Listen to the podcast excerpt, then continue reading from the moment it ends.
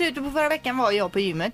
Skulle gå in på ett pass men hoppar innan passet upp på ett sånt här löpband istället för att värma upp lite. Jag löper ju inte så att säga utan jag går ju i snabb takt. Det är ju min grej.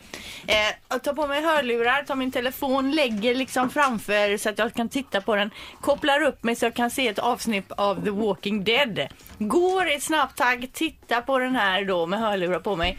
Helt plötsligt hoppar det ju fram en zo- zombie och jag blir så jävla rädd.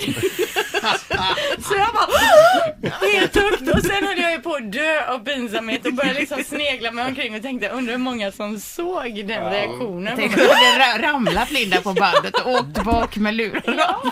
Hade du kunnat bli en walking dead på Ja, löpande men då?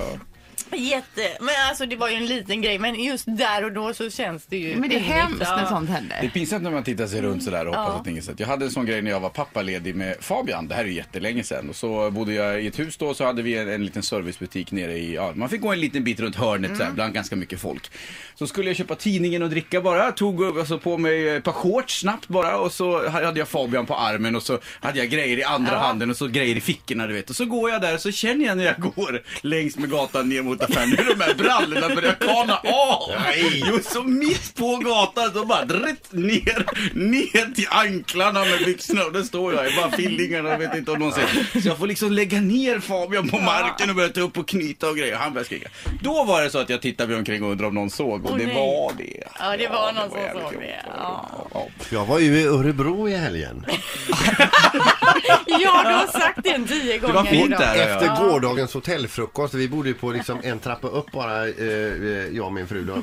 Så, så att eh, jag tog inte hissen utan jag tog trappan upp där. Och jag snava precis i slutet av trappan där. Du vet, sån här pladask! Ja, så här, va? Och då det är det första man tänker på, såg någon mig? Det gör ju så förbannat ont va. Ja. Men det enda man tänker på, såg någon mig? Och mycket riktigt. Det var ju någon bakom där. Jag hör ju sen, oj då. Åh nej vad hemskt. Jag måste bara berätta en grej till. Det var när jag var i Hemsedal med mina två söner i vintras eh, och vi var och åkte skidor. Så skulle Fabian köpa en mössa och så går vi in och ska handla den där mössan. Då är det en söt tjej som står där och ska, ska expediera och grejer. Och då är det Folke och Fabian och jag som är där inne. Och då, du vet, man står och smilar lite och skojar och kimmar och det ena med det andra när man ska betala. Köper den där mössan så går man därifrån och då när jag ska gå därifrån då säger Fa- nej, Folke säger då Pappa, vad har du i näsan? Nej. Ja, det värsta bara Den kåkråkan hade jag hängde allt över. Oj, Gud vad hemskt. Ett poddtips från Podplay. I podden Något Kaiko garanterar östgötarna Brutti och jag, Davva, dig en stor dos skratt. Där följer jag pladask för köttätandet igen. Man är lite som en jävla vampyr. Man har fått lite blodsmak och då måste man ha mer. Udda spaningar, fängslande anekdoter och en och annan arg rant. Jag måste ha mitt kaffe på morgonen för annars är jag ingen trevlig människa. Då är du ingen trevlig människa, punkt. Något Kaiko, hör du på Podplay. Därför är gardinerna.